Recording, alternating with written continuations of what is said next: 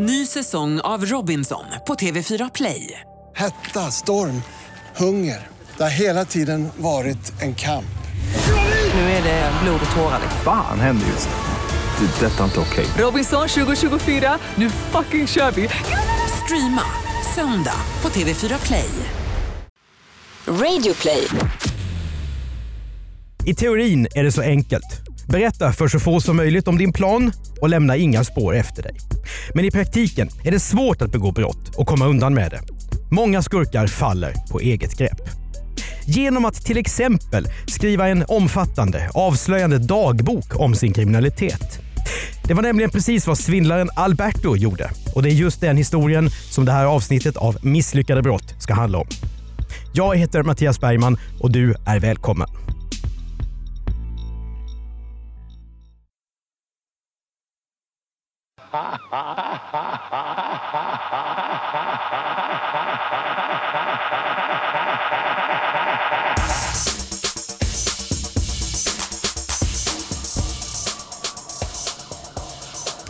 Alberto sitter på ett hotellrum i New York.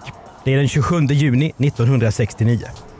Om Alberto har New York Times framför sig den här dagen så kan han läsa artiklar om att nio matbutiker i Buenos Aires, som för övrigt ägs av den stenrika amerikanska Rockefeller-familjen, har satts i brand.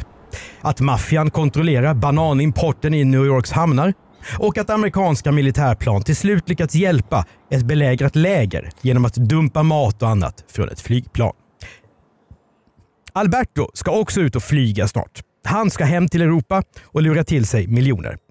Men först ska han göra någonting helt annat. Studera sin dagbok. För där har Alberto skrivit ner namn på europeiska storstäder och banker som Banco Español de Crédito, Barclays Bank och Banque Générale de Luxembourg.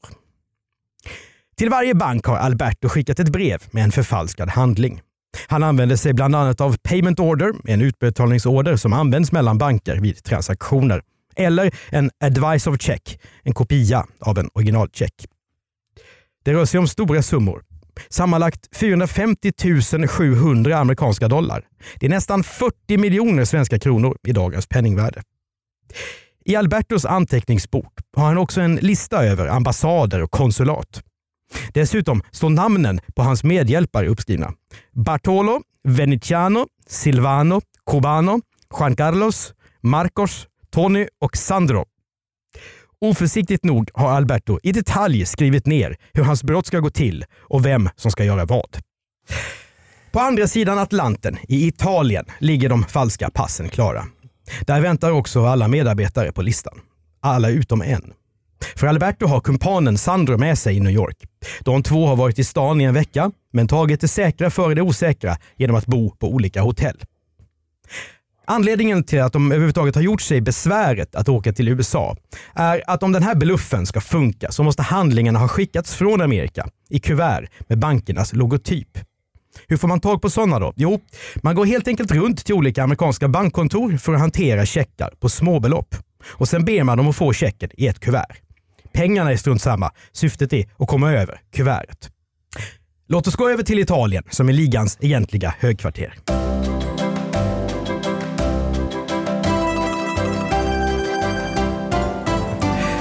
Den 2 juli 1969 träffas huvudpersonerna på sin vanliga mötesplats, baren Piccadilly vid Piazza Barberini i Rom. De kommer att dela in sig i olika grupper och slå till mot olika banker. Alberto har utsett Bartolo till ett slags reseledare för den grupp som ska utföra bedrägerier i Spanien.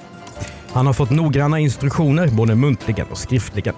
Själv ingår Alberto i Nordengruppen, den del av ligan som ska begå brott i Köpenhamn, Oslo, Amsterdam och Stockholm. Han delar ut falska pass till alla. Själv reser Alberto under namnet Jorge Garnek, ett alias som har tjänat honom väl i flera år. Senare samma dag, vid 19-tiden på kvällen, får två utredare på kriminalpolisens bedrägerirotel i Stockholm ett samtal från huvudkontoret på Skandinaviska banken. Det är ren tur att någon finns på plats på roteln. Det är mitt i industrisemestern och alltså har mängder av svenskar ledigt, liksom många av polisens utredare.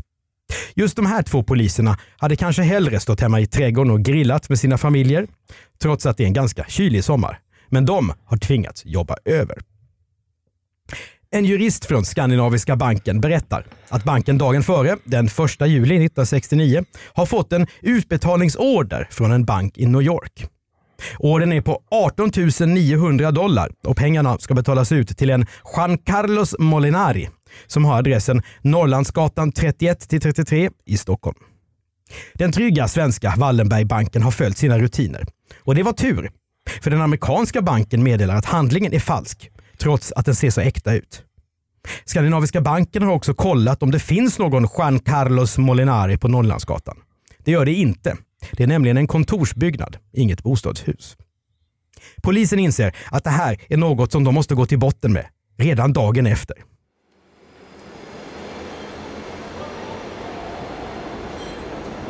Samtidigt sitter Alberto i Köpenhamn och surar. Han och de andra ligamedlemmarna har försökt att få ut pengar från Landsmans Bank och Privatbanken, men utan att lyckas. De danska bankerna är på sin vakt och vägrar betala ut pengar innan den amerikanska banken har bekräftat. Så Albertos medarbetare har tvingats gå därifrån utan några kontanter. Ligaledaren inser nu att det är alldeles för riskabelt att låta kumpanerna gå tillbaka. Då har bankerna sannolikt hunnit kolla upp uppgifterna och insett att allt är en bluff. Eftersom Alberto är en försiktig general trots allt så förstör han alla pass som har förfalskats inför Köpenhamnsbesöket och ställer istället in siktet på nästa stad, Stockholm. Ny säsong av Robinson på TV4 Play. Hetta, storm, hunger. Det har hela tiden varit en kamp. Nu är det blod och tårar. Fan händer just nu. Det. är Detta är inte okej. Robinson 2024, nu fucking kör vi! Streama söndag på TV4 Play. Ett poddtips från Podplay. I podden Något Kaiko garanterar östgötarna Brutti och jag, Davva, dig en stor dos skratt. Där följer jag pladask för köttätandet igen. Man är lite som en jävla vampyr. Man har fått lite blodsmak och då måste man ha mer. Udda spaningar, fängslande anekdoter och en och annan arg rant. Jag måste ha mitt kaffe på morgonen för annars är jag ingen trevlig människa. Då är du ingen trevlig människa, punkt. Något Kaiko, hör du på Podplay. Därför är gardinerna. Vi är även denna vecka presenterade av Dagens Nyheter och DN Digital. Mattias, du gillar ju att söka i DNs arkiv, så om man söker på spion 1951, Ja. vad hittar man då? Ja, då hittar man till exempel Hilding Andersson, vårt gamla misslyckade brottcase. Vi plockar fram den här. Eh, 28 september 1951. Spionen erkänner allt, sålde hela ostkusten, fick 3000 kronor. Det är härligt att du kör journalfilmsröst Ja, också. lite i journalfilm. För knappa 3000 kronor sålde marinspionen Ernst Hilding Andersson allt som rör försvarsanläggningar i Karlskrona, Stockholms skärgård, Nynäshamn och andra viktiga hamnar. Jag kanske är lite gammal här, men det är ju så fantastiskt roligt att se gamla tidningssidor. Ja, för att eh, folk som säger att journalistik var bättre förr, jag tror inte de har läst gamla texter eller lyssnat på gamla eh, radioinslag eller sett gamla tv-inslag. För det var ju, ja, man kanske inte behandlade folk med så stor respekt alltid och väldigt mycket eget tyckande. Journalistik har ju alltid speglat sin tidsanda. Ja, så hur, hur var 50-talet då, utifrån de här texterna? De höftade ju lite grann de här reportrarna. Och man så ser att de är ganska beroende av sina poliskällor. Oh ja. DNs arkiv är ju bara en av alla de tjänster som Dagens Nyheter erbjuder. De har ju massor av innehåll. Vi presenterar just den här veckan av Dagens Nyheter och därför så kan man, om man går in på dn.se misslyckade brott, bli digital prenumerant och få de första fem veckorna gratis. Låter kanon.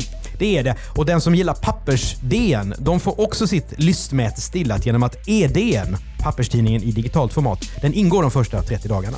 Det är bara att slå till och läsa om gamla och nya spioner. Tack Dagens Nyheter!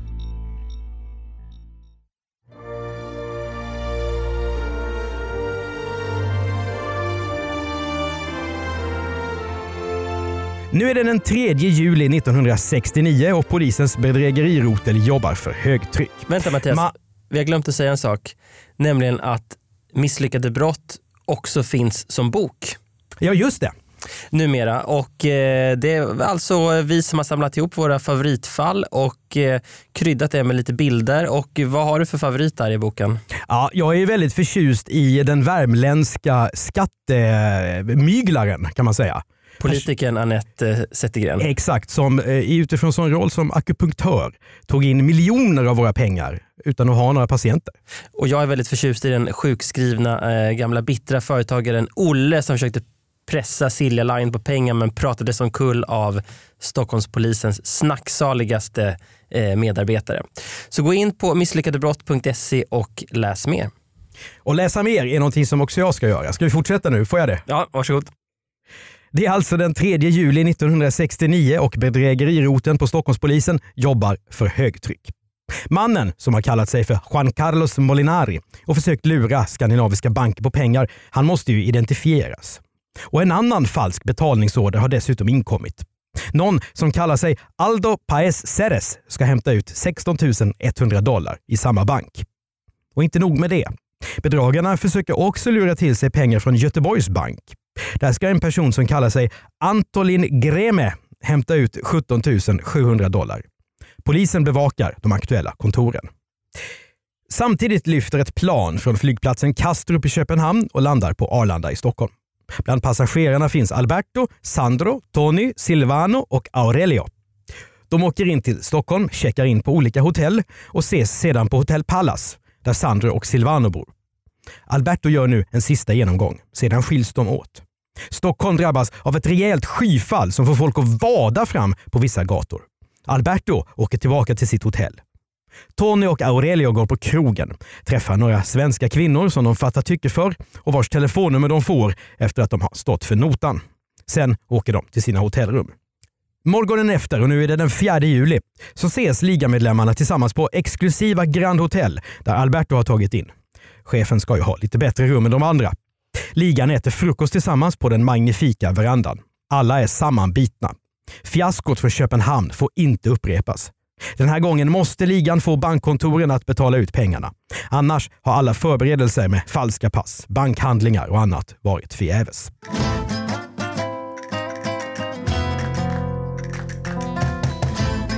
Den noggranne Alberto har med sig sin dagbok. Han delar ut pass och handlingar till de andra männen. Klockan är 9.45 och bankerna öppnar om en kvart. Männen går åt olika håll och ser till att de inte blir skuggade. Alberto cirkulerar runt om i city i olika taxibilar. Han är som en ambulerande dirigent som ser till att medhjälparna sköter sina plikter vid exakt rätt tidpunkt. Och det börjar bra. Tony går in på Handelsbanken och lyckas genomföra sin bluff. Han får med sig resecheckar till ett värde av 52 000 svenska kronor och 40 000 dollar. Han och Alberto träffas som hastigast vid Nybrokajen. Tony lämnar över checkarna till sin chef men får behålla resecheckar för 5 000 dollar som ett förskott på lönen. Sen får Tony order om att åka tillbaka till hotellet och packa.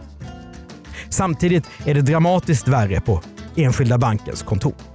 Mannen som utger sig för att vara Aldo Paez Ceres, han går fram till kassan men anar inte att han snart ska åka fast. Mannen lägger inte märke till den bankanställde som hälsar alla välkomna vid entrén. Eller kunden som förstrött sitter och väntar på sin tur samtidigt som han bläddrar i en tidning. Bägge är poliser och väntar på rätt tillfälle att slå till. När Aldo lämnar över sin falska utbetalningsorder så gör de det. Aldo grips och visiteras. I fickorna finns ett colombianskt pass. Med hjälp av en bankanställd som talar spanska och får fungera som tolk håller polisen ett första förhör. Aldo vill inte säga så mycket. Men han erkänner att passet är falskt och att han jobbar på uppdrag av en annan man som han har träffat på Grand Hotel. Polisens jakt går vidare.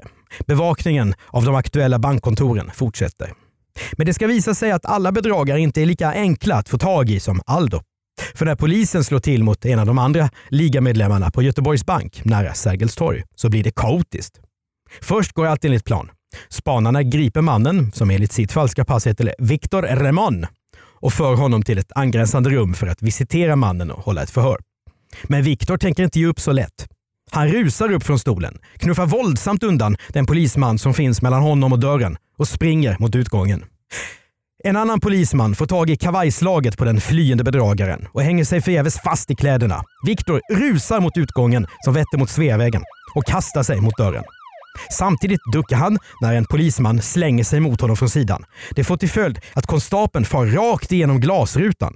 Men han lyckas också få med sig Viktor i fallet. Det är rena actionfilmen. De två männen blir liggande på golvet bland allt glassplitter. Några andra poliser är snabbt framme och låser fast Viktors händer med handbojor.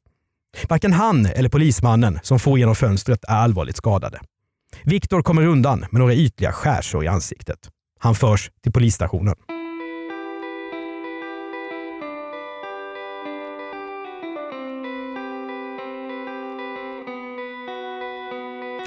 Ligaledaren Alberto då? Ja, han börjar ju bli rejält orolig. Vad är det egentligen som händer? Varför dyker inte kumpanerna från Enskilda banken och Göteborgs bank upp med pengarna? Ska det här trots allt sluta med en repris av magplasket i Köpenhamn? Alberto har till och med skickat iväg Sandro för att leta efter de andra, men utan framgång. Alberto tar en taxi till Göteborgs bank som ligger vid Sergels torg och han kommer fram precis när kumpanen flyger genom glasrutan och sen förs bort iförd handbojor. Alberto åker då direkt tillbaka till Grand Hotel. Han inser att det enda rimliga nu är att lämna Sverige så fort som möjligt. Tillsammans med Sandro packar han ihop sina saker, checkar ut och åker till Arlanda. Men polisen är hack i häl. Utredarna har kollat med taxibolagen om någon har haft körningar från Grand Hotel till olika banker och på så sätt lyckas de spåra Alberto, Sandro och kumpanen Tony på Arlanda.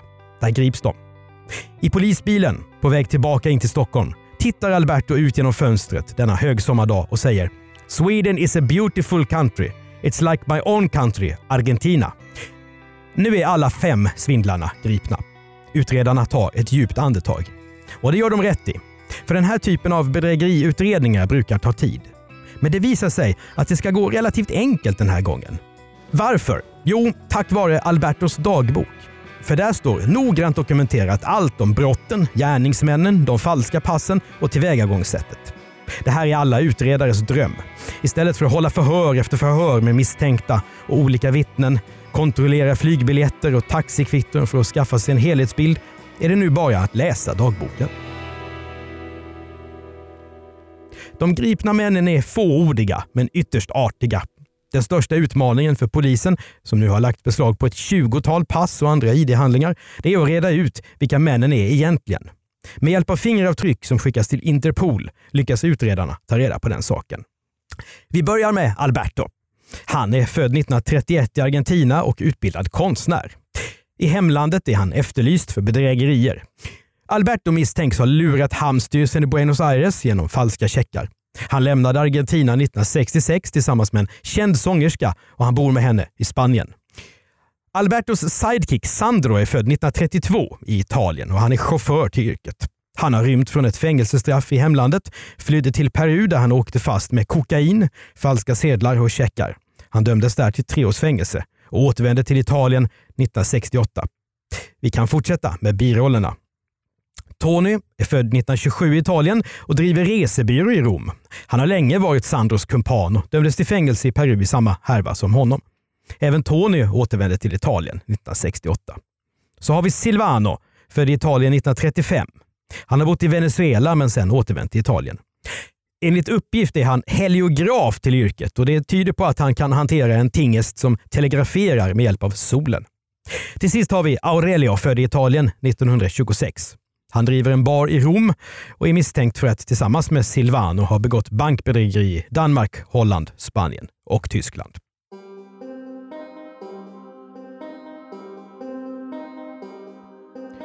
Dags för förhör. Men Aurelio Silvano, Tony och Sandro vill inte prata så mycket om sin chef Alberto.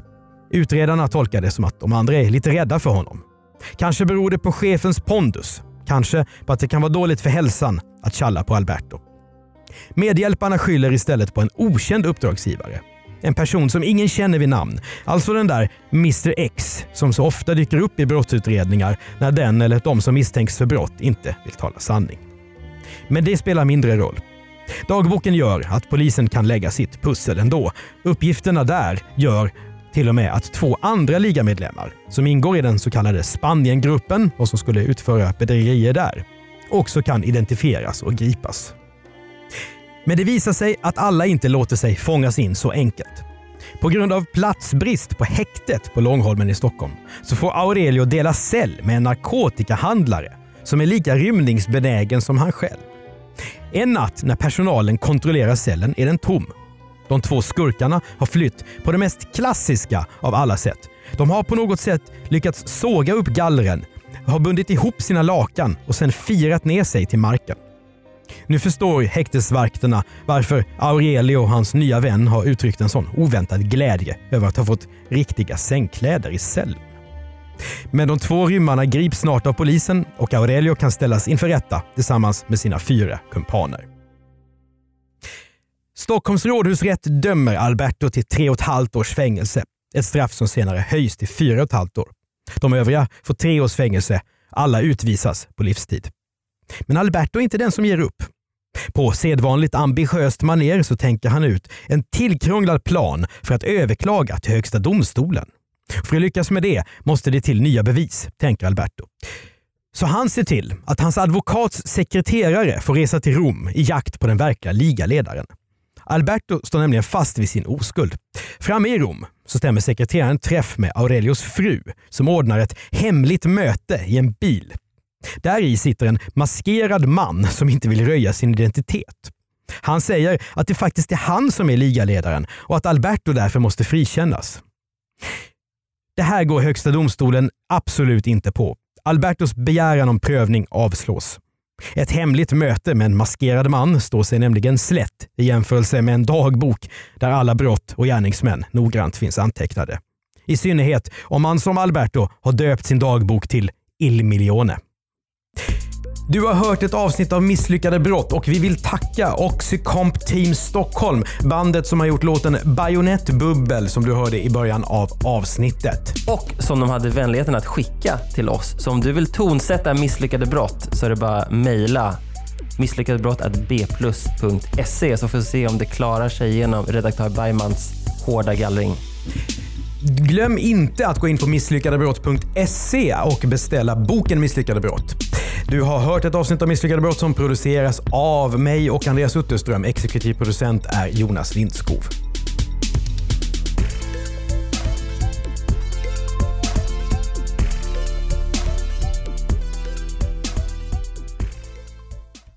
Ny säsong av Robinson på TV4 Play. Hetta, storm, hunger. Det har hela tiden varit en kamp. Nu är det blod och tårar. Fan händer just det. Det är detta inte okej. Robinson 2024, nu fucking kör vi! Streama söndag på TV4 Play.